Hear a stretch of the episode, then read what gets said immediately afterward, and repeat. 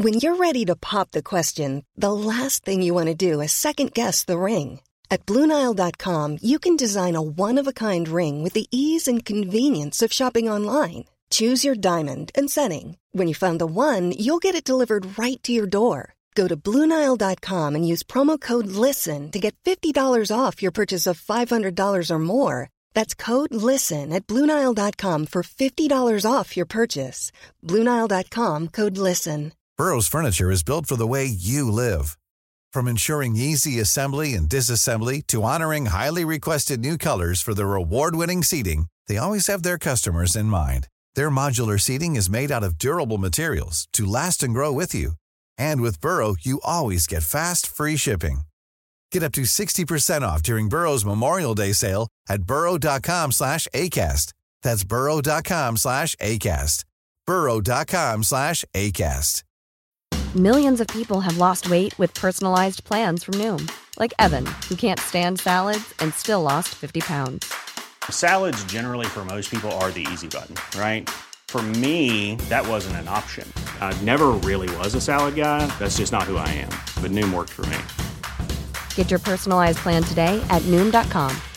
Real Noom user compensated to provide their story. In four weeks, the typical Noom user can expect to lose one to two pounds per week. Individual results may vary. I've drummed it into our players that they are privileged to play for you. Call it, take it quickly, Origi! Mission Impossible is accomplished. It's seven for Liverpool. Sensational, astonishing, incredible. Du hører på Pausepraten, en podkast fra Liverpool supporterklubb Norge. Huff og huff for en lang landskamppause, men nå har vi kommet oss gjennom. Spillerne flyr inn til Mercyside fra alle verdens hjørner, klare for å fortsette i det positive sporet hvor vi slapp etter Aston Villa-kampen for halvannen uke siden. Nå venter en travel periode med tre kamper på åtte dager, hvor Klopp endelig kan få vise alle strengene han har å spille på denne sesongen. Første hinder er Wolverhampton Wanderers på lørdag. Mari Lunde heter jeg, og med meg i dag har jeg Torbjørn Flatin og Arild Skjævland. De siste landskampene ble spilt i morgentimene i dag, og der var Louis Diaz og Alison Becker involvert. Chile og Colombia møttes 02.30 i dag morges i en kamp som endte 0-0, og Diaz fikk 70 minutter på banen. Og Peru og Brasil møttes klokken 04.00. Der kunne Alison se på fra benken at Brasil vant 1-0. Nå må de hoppe på et uh, privatfly fort som svint for å komme seg tilbake til Mercyside og bli klar til tidligkampen mot Wolves på lørdag. Har dere sett noe, har dere sett noe landslagsfotball den siste uka, Torbjørn? Jeg har faktisk det. Ja. Eh, altså, ja, jeg var ikke bomba at jeg har sett det, men jeg har sett overraskende mye, egentlig. Hva har du sett? Tatt, eh, sett begge kampene til Nederland, mm. og begge til England. Eh, og sveiva innom Norge, har jeg gjort. Og sovna etter 20 minutter på Finland-Danmark. Uh, litt annet småtteri òg, men det er vel det, det er vel det i hovedsak, uh, egentlig. Mm. Så det har kanskje ikke vært så veldig mye, mye Liverpool-spillere, da. Men uh, jeg har jo fulgt med litt sånn Og sett på Twitter klipp og sånt, så det, vi, vi, har jo mange spillere i form. Men hvis vi tar Nederland, da, så Nederland-Hellas, så hvis vi tar Kostas spilte jo for Hellas, så men den var, den var dårlig, syns jeg, Hellas. han kom lite med i spillet, og det var egentlig mest om å, å dreie seg og prøve å demme opp. egentlig kom lite mer fram, men uh, uh, Hellas hadde egentlig mest problem på å si høyreside, og der var uh, Cody Gakpo. Mm. Så han var, han var god, syns jeg. Altså, jeg har vært god i begge kampene. Skåra i begge kampene òg, selv om det ene var straffe. Uh, mens derimot uh, vår venn uh, Virgil van Dijk syns jeg var ganske Hva skal jeg si middels, egentlig. Okay. hadde overraskende store problemer mot en kar som heter Adam Aida. Jeg måtte slå det opp. han spiller spiss, spiss for Irland og Norwich. Uh, så vel, vel. Uh, det er ikke noe liksom å jeg, jeg, ser, jeg, ser, han har fått litt kritikk for òg. Mm. Men uh, sikkert ikke noe sånn Men altså, det, det liksom forsterker litt inntrykket da, at han er ikke helt det han var, dessverre. Men, men det er liksom det jeg, det jeg har sett. da. Og så har jeg jo fått med meg, som jeg var inne på, at det er andre Det kan sikkert Arild kanskje fortelle om. men andre Liverpool-spillere som har vært i, i, god form og skåra mål og sånt. Nå, så totalt sett så har det vel vært et uh, bra opphold, uh, har, jeg, har, jeg, inntrykk av. Ja, Hva tenker du, Arild? Har du tatt bølgene i stua eller på puben? Jeg har uh, sett to landskaper jeg aldri trodde jeg ville sett. to kamper med Ungarn. litt, litt forelska i Dominic Soboslaj for tida, så jeg ja. Jeg prioriterte den både på, på torsdag og sjekka innom på søndag. Um, nå var han ikke direkte involvert i noen mål, eller noe sånt, men det, det er tydelig at vi har en, en, klassespiller der.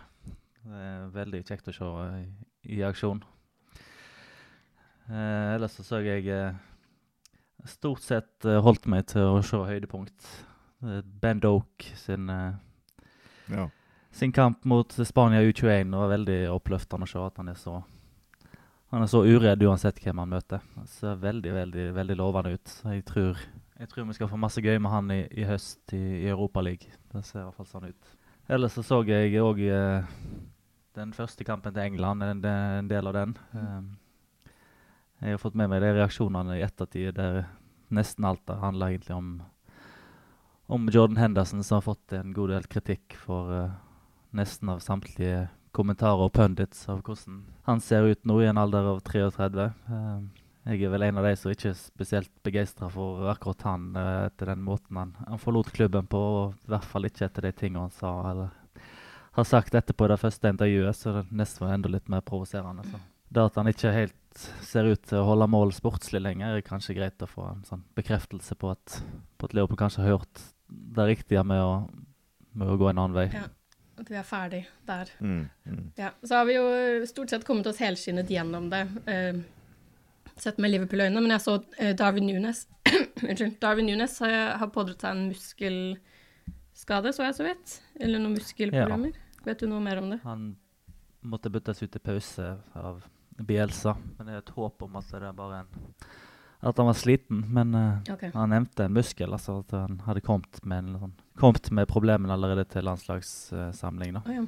Så vi får håpe at det Han så veldig god ut i den første kampen, så får vi håpe at han får hvilt seg til, til formen på lørdag. Ja.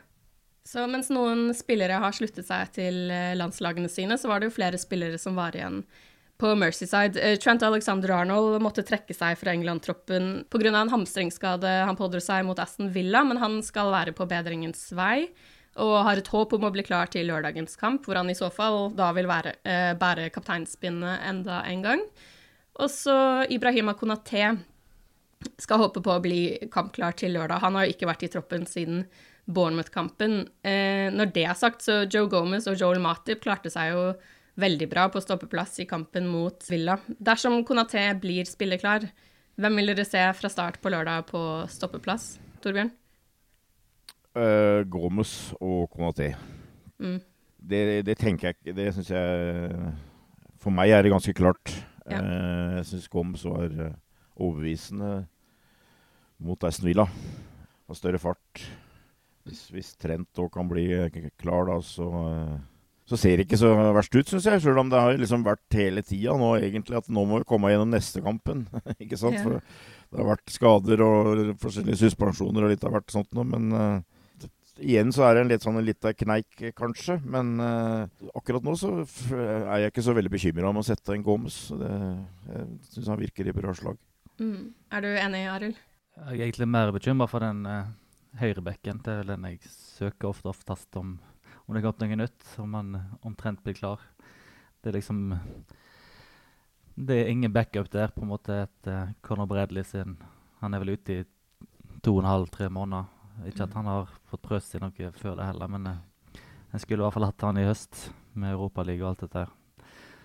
Så hvis Trent er ute, så får vi jo se alle tre, sannsynligvis. Ja. Og da vil det gå utover veldig masse. Men uh, jeg, jeg støtter Torbjørn på Gormes framfor uh, Matip hvis, hvis Trent er klar, ja. ja. Ok, Så det var et veldig enkelt spørsmål, skjønte jeg. Dette blir også um, først, muligens første mulighet til å se Ryan Gravenberg dersom han får noen minutter. Han var jo tatt ut til spill for Nederlands U21-landslag dette oppholdet, men valgte å takke nei til dette og heller bli værende på Mercyside for å finne seg til rette i sin nye klubb. No, det var noe han fikk mye kritikk i Nederland for. Um, hvilken rolle tror dere han kommer til å spille denne sesongen? For Liverpool har jo kjøpt fire midtbanespillere denne sommeren. Det er Soboslai og McAllister har brukt de fire første kampene på å levere skikkelig solide søknader om mye spilletid fremover. Og I tillegg så har vi jo spillere som Curtis Jones og Harvey Elliot eh, og Cody Gakpo, samt mer defensive alternativer i Tiago, Endo og Stefan Bajcetic. Og nå har han jo hatt to uker på treningsfelt og kanskje begynt å bygge et fint forhold til Klopp. Tror dere han kan få noen minutter allerede på lørdag? Jeg syns den kritikken mot ham var ganske spesiell. Mm. Altså, en, en 21-åring som ikke kommer til å være med når de skal spille det mesterskapet om to år. Uh, har allerede elleve førstelagskamper for Nederland, og så er det liksom ble du flytta ned for et mesterskap i sommer, og så skal du bli der igjen på høsten. Jeg syns det virker ganske fair å, å, få lov å prøve å finne seg til rette i, i ny klubb. Mm. Nå uh, har vel neppe Klopp vært der heller før, uh, før i dag, onsdag. Han har feriert i Tyskland, og han, de pleier vel å gi alle disse spillerne som ikke er på landslagssamling, fri, men jeg vil jo tro at uh, Gravenbeck har funnet, funnet, seg litt til rette og kanskje funnet seg en plass å bo og litt sånne ting. Uh, at han får komme opp til speed uh, fysisk. Jeg tror at han kommer til å få, få masse spilletid i år. han er liksom I Bayern så var det litt begrensa hva posisjon han kunne spille i pga. den formasjonen de, de spiller, men det blir jo sagt at han kan spille i, i begge disse åtte posisjonene, både til venstre og til høyre. og kanskje ha et mål om at han skal bli en, en defensiv midtbanespiller på, på sikt. Så, spesielt med Europaligaen, der han på en måte ikke trenger å vinne alle kampene, sånn så når han har Champions League. Altså, Jeg tror i hvert fall at Liverpool er så gode at de, de kan uh, rotere masse på laget og likevel uh, gå greit videre for den gruppa der. Så jeg tror at det blir, det blir rikelig med spilletid på han i høst, men jeg, at det blir på, allerede på lørdag, da tror jeg i hvert fall det blir som, som en innbytter. Hvordan er det uttaler navnet hans egentlig? Nå blir jeg usikker her, egentlig. men... Jeg, jeg, jeg, er all over the place med det navnet. Gravenberg har jeg en to. Gravenberg, sier jeg, men, men, men ja. ja. nei, altså Jeg syns jo det, som Liverpool-supporter, så syns jeg det er veldig positivt ja, at han uh, var veldig opptatt av å etablere seg fort uh, i sin nye klubb. Uh, og han er jo ganske aktiv på sosiale medier. altså Det virker jo som at dette her er noe han virkelig se fram til. Eh, se på som kanskje på en måte At han hadde en stor sjanse i Bayern München, og den, det lykkes ikke. Og så har han fått en ny sjanse her. Og eh, han har jo spilt lite i Bayern München, så han skal jo på sånn fysisk være ganske hva skal jeg si, uthvilt, eh, egentlig. Eh, hvor eh, For det første så tror jeg tror jeg antagelig at han er blinka ut til å debutere Eller spille mot uh, Lask uh, neste uke. Mm. Uh, om han er fra start, det, det, det vil avhenge antagelig hvilken fysisk form Liverpool vurderer han er i, men at han i hvert fall kommer til å være involvert i den kampen, det tror jeg jeg tviler på om han er så veldig At han blir noe involvert egentlig til lørdag. Men, men jeg syns dette her jeg skal ikke sitte og si at jeg kjenner veldig mye til han Gravenberts, Det gjør jeg ikke. Men det jeg har sett og det jeg har lest og, og hørt uh, Jeg, syns det høres veldig spennende ut. Altså det, han blir sammenligna med Paul Pogba, liksom, ikke sant. Jeg, for meg så er, er, dette her en sånn uh, spiller som kan bli en sånn Formel 1-spiller, altså. Hvis, hvis, du får ut maksimalt av det han, det han står for. Eh, og så er det vel litt sånn der eh, at det kanskje har vært litt holdninger, eh, litt tilbakelent og sånt noe, som har gjort at det, det har gått litt eh, opp og ned her. Men at han har potensial til å bli en, en spiller helt opp i øverste hylle, det, den feelingen har jeg. Eh, og, og det blir veldig spennende. Og jeg tror eh, Som sagt, og jeg tror også han er en sånn type Eh, for han har stor løpskapasitet. Eh, jeg, I utgangspunktet så er jeg veldig glad i spillere som er eh, over 1,90 og spiller på midtbanen uansett. I hvert fall hvis du kan spille fotball av over 1,90 på midtbanen. Altså det er et stort fortrinn, etter min mening. Og han kan vinne ballen. Han kan være med framover, han kan slå pasninger. Han er nok ikke kanskje like sterk eh, framover som det Pogba hadde kapasitet til. Men jeg, jeg, tror kanskje han har litt flere defensive fibre. Så jeg sitter jo Sjøl om han i utgangspunktet er regna som en såkalt åtter, kanskje, så, så ser jeg absolutt ikke noe umulighet at det her kan uh, Klopp og, og kompani omskolere en til litt mer defensiv spiller. Og det vet ikke, jeg har vel vært inne på før, kanskje. Men altså Det er klart vi sitter vel igjen med inntrykket etter dette transfervinduet at vi, vi, vi, kjøpte jo aldri den derre rå midtbaneankeret. Den derre reine erstatteren til Fabinho. Men kanskje kan de fire som vi har kjøpt inn, bidra til at vi allikevel kan fylle det hølet ved å kanskje spille på en annen måte. At du har eh, to eller tre på midtbanen som også tar på seg defensive oppgaver. Og, og Gravenberts han er, han er, en sånn type med en sånn løpskapasitet. Han kan løpe opp folk på midtbanen, f.eks. Eh, og, og, fylle en sånn der, eh, rolle. Kanskje kan du av og til spille litt mer hvor du har to som såkalt sitter. Ikke sant? Så jeg syns det er veldig vanskelig å spå hvor han ender. Mm. Men jeg syns det er veldig spennende. Eh, og, og, vi har jo andre andre typer også, som ikke, jeg ikke har nevnt nå. Altså, ikke, sant Berkovic og uh, Sa jeg, ja, sa jeg riktig nå? Bajketic. Herregud, nå, nå må det stå, stå her. Bajketic, Bajketic og Curtis Jones og, og, og sånn. Så, nei, så plutselig så syns jeg den der midtbanen ser mye mer lovende ut enn jeg på en måte så for meg. Eh, og jeg er veldig spent på uh, Gravenberch også, men, jeg, men altså, det, det, er jo noe som eh, jeg, jeg, tror vi, vi, ser veldig fram nå til Europa League og det der å få sett disse spillerne. og det, At det blir en fight om plassene her, det, det føler jeg bare er bra. Så er det vel kanskje McAllister og Soboslai som på en måte du, du sitter og har en oppfatning av at dem, dem er inne.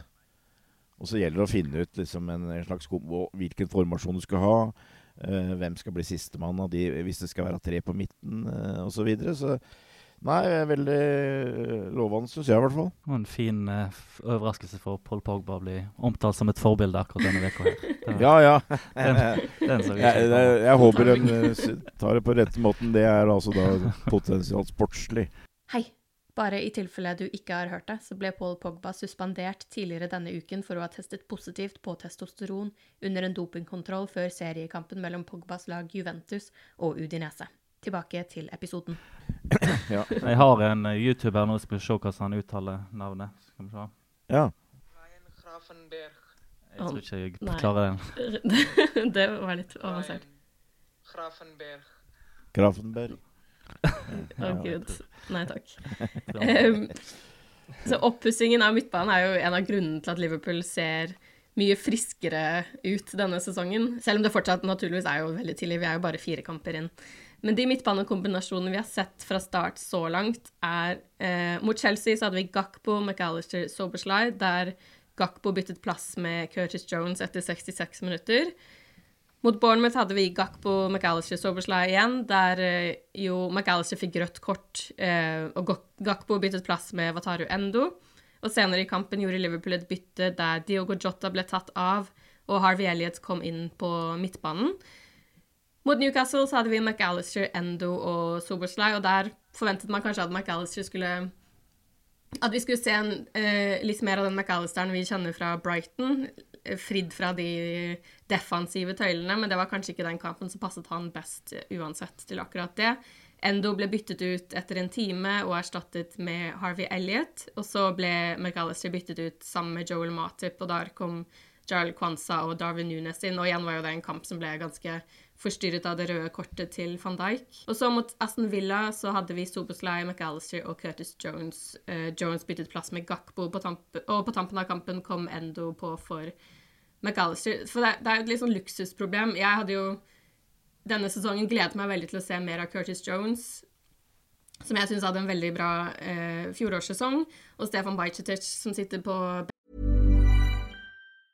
Hey, I'm Ryan Reynolds. Recently, I asked Mint Mobile's legal team if big wireless companies are allowed to raise prices due to inflation. They said yes. And then when I asked if raising prices technically violates those onerous two year contracts, they said, What the f are you talking about, you insane Hollywood ass? So to recap, we're cutting the price of Mint Unlimited from $30 a month to just $15 a month. Give it a try at mintmobile.com slash switch. $45 up front for three months plus taxes and fees. Promoting for new customers for limited time. Unlimited more than 40 gigabytes per month. Slows. Full terms at mintmobile.com. Burrow's furniture is built for the way you live. From ensuring easy assembly and disassembly to honoring highly requested new colors for their award-winning seating, they always have their customers in mind. Their modular seating is made out of durable materials to last and grow with you. And with Burrow, you always get fast, free shipping. Get up to 60% off during Burrow's Memorial Day sale at burrow.com slash ACAST. That's burrow.com slash ACAST. burrow.com slash ACAST. Millions of people have lost weight with personalized plans from Noom, like Evan, who can't stand salads and still lost 50 pounds. Salads generally for most people are the easy button, right? For me, that wasn't an option. I never really was a salad guy. That's just not who I am. But Noom worked for me. Get your personalized plan today at Noom.com. Real Noom user compensated to provide their story. In four weeks, the typical Noom user can expect to lose one to two pounds per week. Individual results may vary. Hey, Dave. Yeah, Randy. Since we founded Bombus, we've always said our socks, underwear, and t shirts are super soft. Any new ideas? Maybe sublimely soft. Or disgustingly cozy. Wait, what? I got it. Bombas. Absurdly comfortable essentials for yourself and for those facing homelessness. Because one purchased equals one donated. Wow, did we just write an ad? Yes. Bombas. Big comfort for everyone. Go to bombas.com slash ACAST and use code ACAST for 20% off your first purchase. Hey there, it's Michelle Norris. I'm host of a podcast called Your Mama's Kitchen. When I travel, I'm usually looking for a way to find a taste of home when I'm not at home. And one of the things I love to do when I am at home is entertain. And Airbnb allows me to do that. When I was in California recently, I rented a house that had a great kitchen. And when we were sitting around the table, we we're all thinking, we're in someone else's house. Someone could be in all of our homes as well. If you have a home, but you're not always at home, you have an Airbnb. Your home might be worth more than you think. Find out how much at airbnb.com/slash host. Han var jo selvfølgelig skadet en lang periode i fjor, men han er jo skadefri. Kanskje ikke helt i kampform, da, eventuelt, siden han bare sitter på benken. Men det er jo sånne spillere man har gledet seg til å se mer av. Men som nå det nesten ikke blir plass til, før, i hvert fall ikke før de europaligakampene og ligacupkampene kommer i gang. Så jeg har bare lyst på hvilken kombinasjon dere liker best på midtbanen akkurat nå. Bajsetic han spilte litt for Spania i U21 i den første, den første kampen. Det er vel det første han har spilt siden, siden april, så jeg tror kanskje det er òg en sånn Europaliga-ting at jeg må vente litt til han, han er mm. klar. Jeg likte så godt uh, da vi så mot Esten Ville, at, uh, og det er kanskje det jeg er så nærmest i minnet, at uh, for meg så frister det akkurat nå å se den, da. Med, ja at det er alltid kjekt å se Curtis Jones når han har tro på, på det han driver med. og sånn, Men eh, i en sånn hypotetisk, hvis en skulle toppe laget med alle skadefri og alle i sin beste form, og, og, litt sånne ting, så må jeg si at jeg gleder meg veldig til å se Tiago igjen i lag mm. med, i lag med McAllister og Soboslay. Liksom, I forrige sesong så måtte han måtte han gjøre så masse og dekke for så mange andre spillere. og Han måtte liksom jobbe litt mer enn han altså jeg Kanskje ikke luksusspiller, men jeg tror Tiago går bedre når han, han, har noen rundt seg som kan springe og gjøre, gjøre den jobben der. Så jeg, eh, jeg gleder meg veldig til å se hvordan han uh, fungerer i et lag der han har litt sånn energi rundt seg. da.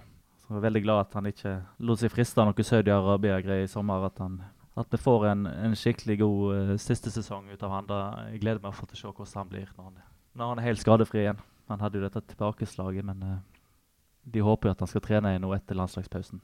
Hva med deg, Torbjørn? Hva er din drømme-midtbane? Ja, nei, det er vanskelig. Uh, det må jeg si. Det er liksom uh, uh, Seks-sju spillere går ikke opp i tre, liksom. liksom jeg, jeg, sliter, jeg sliter ærlig talt litt med den. Også. Det må jeg si. jeg har vel en tanke om at for meg så er Gakpo en ikke midtbanespiller. Mm. Endo er etter min mening ikke i noe ideell startoppstilling, sjøl om han er med og slår Tyskland 4-1 her. Altså at, uh, hvis jeg undervurderer han, så gjerne det. Men uh, i utgangspunktet så, så vil, er ikke han med i noen drømmeoppstilling på midtbanen, i hvert fall. Men det er fortsatt seks igjen, da. Uh, så og jeg er litt jeg, jeg, jeg skjønner det Arild sier, at det hadde vært veldig moro hvis Curtis nå kunne virkelig ta det siste skrittet, egentlig. og og, og F.eks. sammen med, med McAllister og Sjoboslai. Men så har du i tillegg Gravenberch, og så har du Bajketic, og du har Tiago. ikke sant? Altså, det, det er vrient, altså. Jeg, jeg, sitter jo det, jeg, jeg, greier ikke helt å liksom la være å fortsette det jeg var inne på i stad. At, uh, at hvis Klopp får maks ut av Mr. Gravenberch, eller åssen du uttaler det, at det kan bli de tre nye, altså som, som blir eh, på en måte etter hvert eh, den ideelle oppstillinga her. Men eh, det, her, her kommer, så gjør en av de andre en kjempematch, og så plutselig så mener hun noe helt annet. ikke sant? Men det, det, det, det syns jeg nesten er rart, for nå har vi plutselig flust av midtbanespillere. Hvor har de kommet fra, på en måte? Det, liksom, det var et kjempeproblem, egentlig. Og det syns jeg egentlig det begynner å bli et sånn hyggelig problem at Klopp skal komponere dette. her, det, det, vil kanskje ha noe å si åssen han stiller opp på. da. Eh, får du Trent inn der òg, ikke sant? Eh, i, i, en eller annen slags rolle. Hvem, hvem passer å spille ved siden av han? Jeg, jeg, sitter jo med en oppfattelse nå at uh, grunnen til at McAllister er i den dypeste rollen uh, av de tre, det er fordi at det er det sikreste, altså den safe eh, alternativet, da. Sånn, mm. sånn, oppfatter jeg det litt, egentlig. At det, jeg tror ikke han kommer til å ende der. Jeg, jeg tror det blir Jeg tror eh, jeg har en mistanke om at det blir McAllister og Sobo som eh, kommer til å være de såkalte indreløperne her. Og så blir det kanskje en annen som får den rollen, om det blir en av unggutta. Eh, Barketic eh, eller Gravenberch. det er klart, eh, Curtis er jo blitt en veldig disiplinert spiller. Eh, som også kan fylle, være med, være med, i hvert fall å fylle en sånn defensiv rolle. da. Og så har du den derre mannen en mann som, du, som jeg etter hvert har tenkt mindre og mindre på. Det er Tiago. men selvfølgelig eh, Tiago 100 eh, bør jo også finne en plass til. Så det, det, er veldig vanskelig. Og jeg sitter egentlig veldig på gjerdet der. Men jeg oppfatter det som et hyggelig problem. Ja, er du gæren. Du, nå var du inne på litt det jeg skulle spørre om eh, neste spørsmål. da, Om McAllister fortsatt vil bli omtrent omskolert til en mer sånn defensiv rolle. Men det har du allerede svart på, at du tror han, at det bare er midlertidig, en midlertidig situasjon. Ja, det er, det er en midlertidig situasjon. Jeg, jeg tror Klopp stiller med det samme midtbanen til lørdag. Ja, Soberslay, McAllister, Jones. Ja. ja. Det, det, tror jeg. Hvor McAllister i utgangspunktet er dypeste. Og så har også Jones uh, en god del defensivt ansvar. Og så er det Dominic Soberslay som som skal være litt krydderet, kan du si. Som skal være med mest framover. Det, det mm. tror jeg, men, men, det har med at det er, det er veldig tidlig for Gravenberts. Bajketic er på vei tilbake fra skade. Tiako er på en måte på vei tilbake fra skade. Eh, så det er, de, det er, de, gutta som er eh, kampklare og i form. Mm. Eh, og så blir det spennende, som du sier. Nå er det Europa League, nå er det Lia Cup, eh, Europa League de neste midtukene. Og da kan situasjonen Da kan det være andre som på en måte spiller seg mer inn i diskusjonen. Men uh, jeg ville tro at de tre starter igjen uh, mot Wulfs. Jeg følte vi klarte å bygge en sånn Da Wataru Endo ble, Endo ble signert, så klarte vi å bygge en ja. sånn der optimisme rundt hans uh, signering, mens nå føles det litt som at, at han kanskje ikke holder helt Premier League-nivå, eller? Nei, Jeg har jo videre fram og tilbake litt med han, for jeg var jo veldig ja. optimistisk, eh, spesielt etter det første innoppet hans, som jeg syns han var veldig positiv. og Han har jo på ingen måte spilt seg ut, jeg syns ikke det, men jeg syns uh, Spesielt uh, i Newcastle så syns jeg Og Klopp uh, var inne på det etterpå også, at uh, han sleit litt med å komme opp i situasjonene. Og jeg, jeg oppfatter han som at han kanskje mangler litt tempo til å være på øverste hylle i Premier League. Det, det syns, det syns jeg også. Han har ikke det er noe med fysikken der som på en måte ikke er så rå, men altså han kan løpe, sikkert løpe hele dagen. og Uh, Pasningssikker spiller, uh, lojal, taktisk god osv. osv. Men jeg, jeg, føler at han er litt nivået under der. Og jeg, jeg, jeg, tror han kan bli en ny James Milner. Ja. Som, som, er første reserve på flere plasser. Mm. men, men i, i, mitt hue nå så er han ikke inne i en topp av startoppstilling. Er du, du, er vel enig i det, Arild, regner jeg med?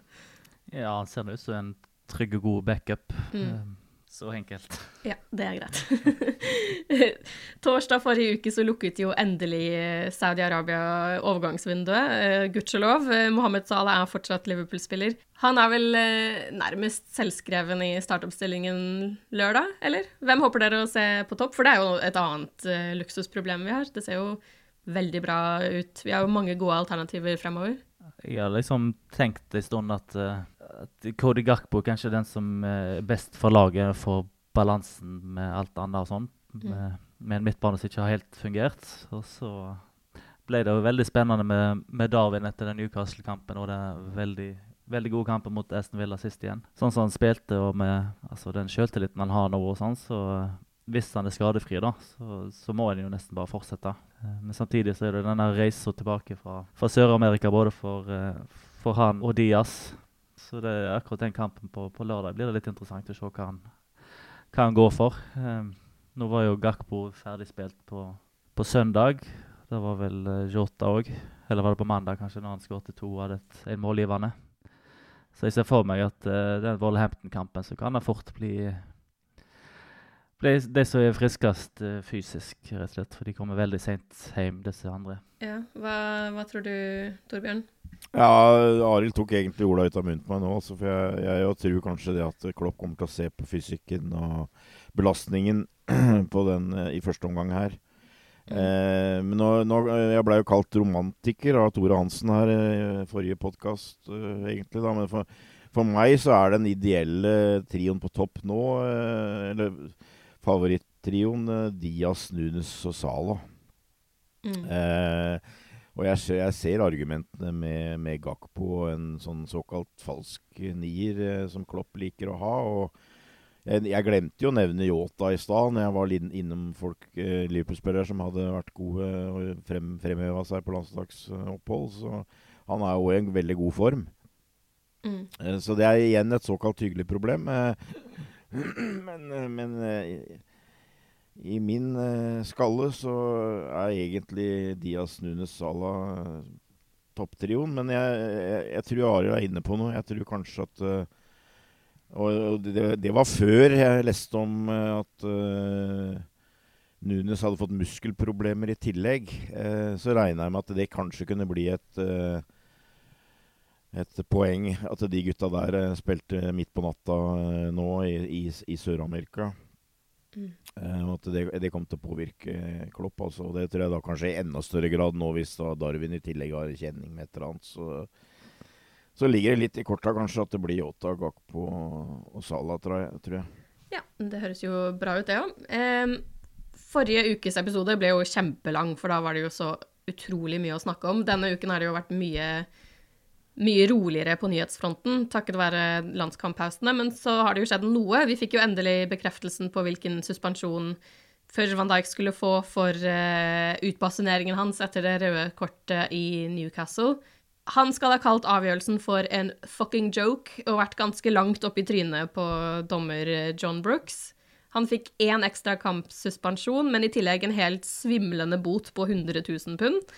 Det er jo penger eh, van Dijk helt sikkert har liggende i skuffen, det. For han eh, Det sies jo at han tjener eh, over 200 000 pund i uka, men likevel det er jo en helt hårreisende sum sammenlignet med andre bøter. Så jo da, John Terry fikk en bot på 220 000 pund i 2011 etter rasistisk hets mot Anton Ferdinand, og Roy Keane fikk en bot på 150 000 pund for uh, taklingen på Alf Inge Haaland i 2001. Men så begynner det å skurre litt, syns jeg. I april så fikk eh, Aleksandr Mitrovic en bot på 75 000 pund for å dytte dommer Chris Kavanagh og bruk av truende og hetsende språk. Louis Suárez fikk i sin tid en bot på bare i hermetegn 40 000 pund for rasistiske kommentarer til Patrice Evra. Men så er det Millwall som i 2019 fikk en bot på bare 10 000 pund for rasistiske rop i en kamp mot Everton, og Carlisle United fikk en bot på 7500 pund for rasistiske rop i en kamp mot Bradford. Nå må jo det sies at dette selvfølgelig er mindre klubber enn en Liverpool, da, men likevel. Hva tenker dere? Er det en er det en rettferdig straff for van Dijk? Da tenker jeg på altså, summen, ikke den, den ekstra kampen er vi vel enige om, men uh, ja, 100 000 pund for en fucking joke. jeg regner med at det er en sånn sats ut fra hva han, hva han tjener, for det virker jo Når du sammenligner med de andre, så virker det jo litt uh, litt i overkant, kanskje. Eh, mm.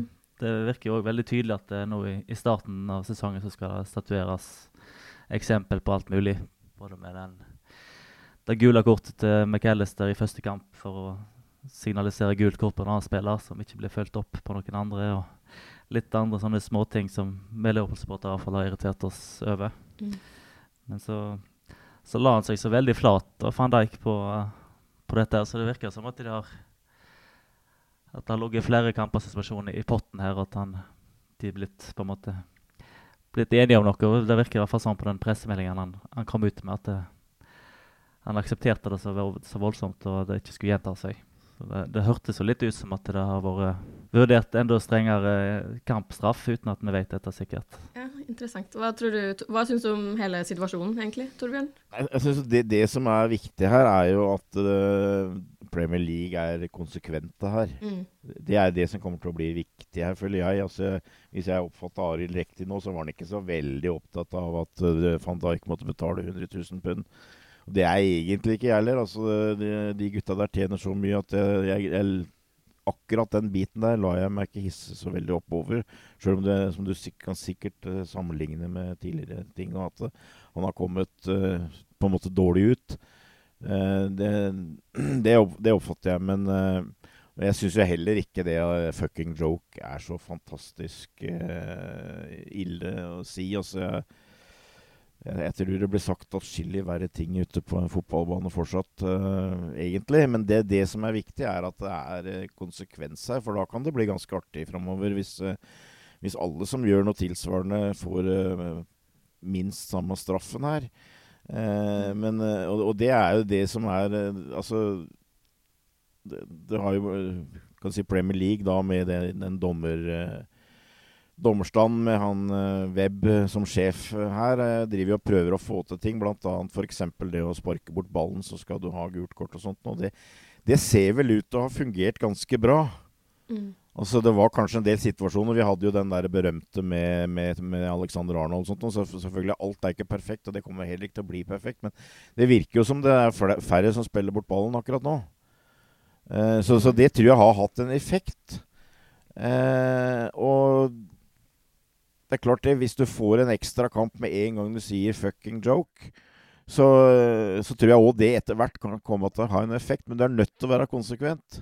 Ja, Det er vel en drøm om å få det sånn som det er i rugby, at det, det er full, full, respekt for dommeren når du sier ingenting. Men eh, så er ikke nivået på dommerne helt så lett at det, eller så, så høyt at det er lett å, å få det til. men... Jeg har en mistanke om at det kommer til å bli mye diskusjoner om det framover. Men det er klart, hvis de greier å være noenlunde konsekvent, så tror jeg det kan være effektivt. Uh, og, og, som du var inne på, jeg, jeg syns også én pluss én kamp var for så vidt uh, ut, ut, fra de forutsetningene som er nå, så var det greit nok, egentlig. Så uh, jeg veit ikke. Jeg, jeg, jeg, for å gjenta meg sjøl her Jeg er heller ikke den som blåser meg helt så veldig opp for den, der, den bota. Men det er klart han var, var ekstrem, definitivt. Men det er mulig at det er sånn som Arild sier, at du Det er liksom en halv ukelønn, eller hva det er. Altså det det veit jeg ikke. Men eh, det, det, blir veldig spennende å se, fordi at uh, du kan være helt sikker på at fans, uh, i hvert fall fans, og sikkert journalister rundt omkring, kommer til å følge dette nøye og sammenligne med hva som har skjedd tidligere og osv. Så, videre. så det, det, kan jo bli spesielt. Men konklusjonen her, Mari, er vel at jeg på en måte egentlig ikke er så oppbrakt over det som har skjedd med van Dijk, men jeg er veldig spent på hva som skjer framover. Hvor går egentlig de pengene? Når han får en, en bot på 100 mm. 000 pund, hvor er det egentlig de pengene går? Jeg spør bare av nysgjerrighet, ikke noe sånn konsp konspigreier. Jeg bare Jeg så han uttalte seg, uh, van Dijk sjøl, på landslagssamling om at han håpte de gikk til de riktige folkene, uten ja. at det, han gikk mer inn på det. Jeg veit ikke. Det har ikke vært litt forskjellig. Og det har vel hendt at det er noe av dette her som går til veldedige formål. Men at ja. det kanskje går til litt sånn grasrotfotball eller noe sånt. Men uh, nå er jeg litt ute på bøljan blå her, altså. Ja, det gjør, det, Men det gjør jo helt sikkert det. Det går ja. jo ikke jeg, jeg, tror ikke det går i lomma til de som sitter og bestemmer dette her, altså. Nei, det jeg tror ikke det. ja, ja. Ok, men Da kan vi fortsette å telle ned til avspark på Molyneux på lørdag klokken 13.30 og nyte klubbfotballen i noen uker til, før vi må nok en gang finne oss i en landskamppause i midten av oktober. Æsj. Takk for denne gang. Takk for at dere hørte på. Ha det bra. Ha det. Oppdretts. The best word I can say, but uh, will describe this was boom. Ooh, what was this? It was really good.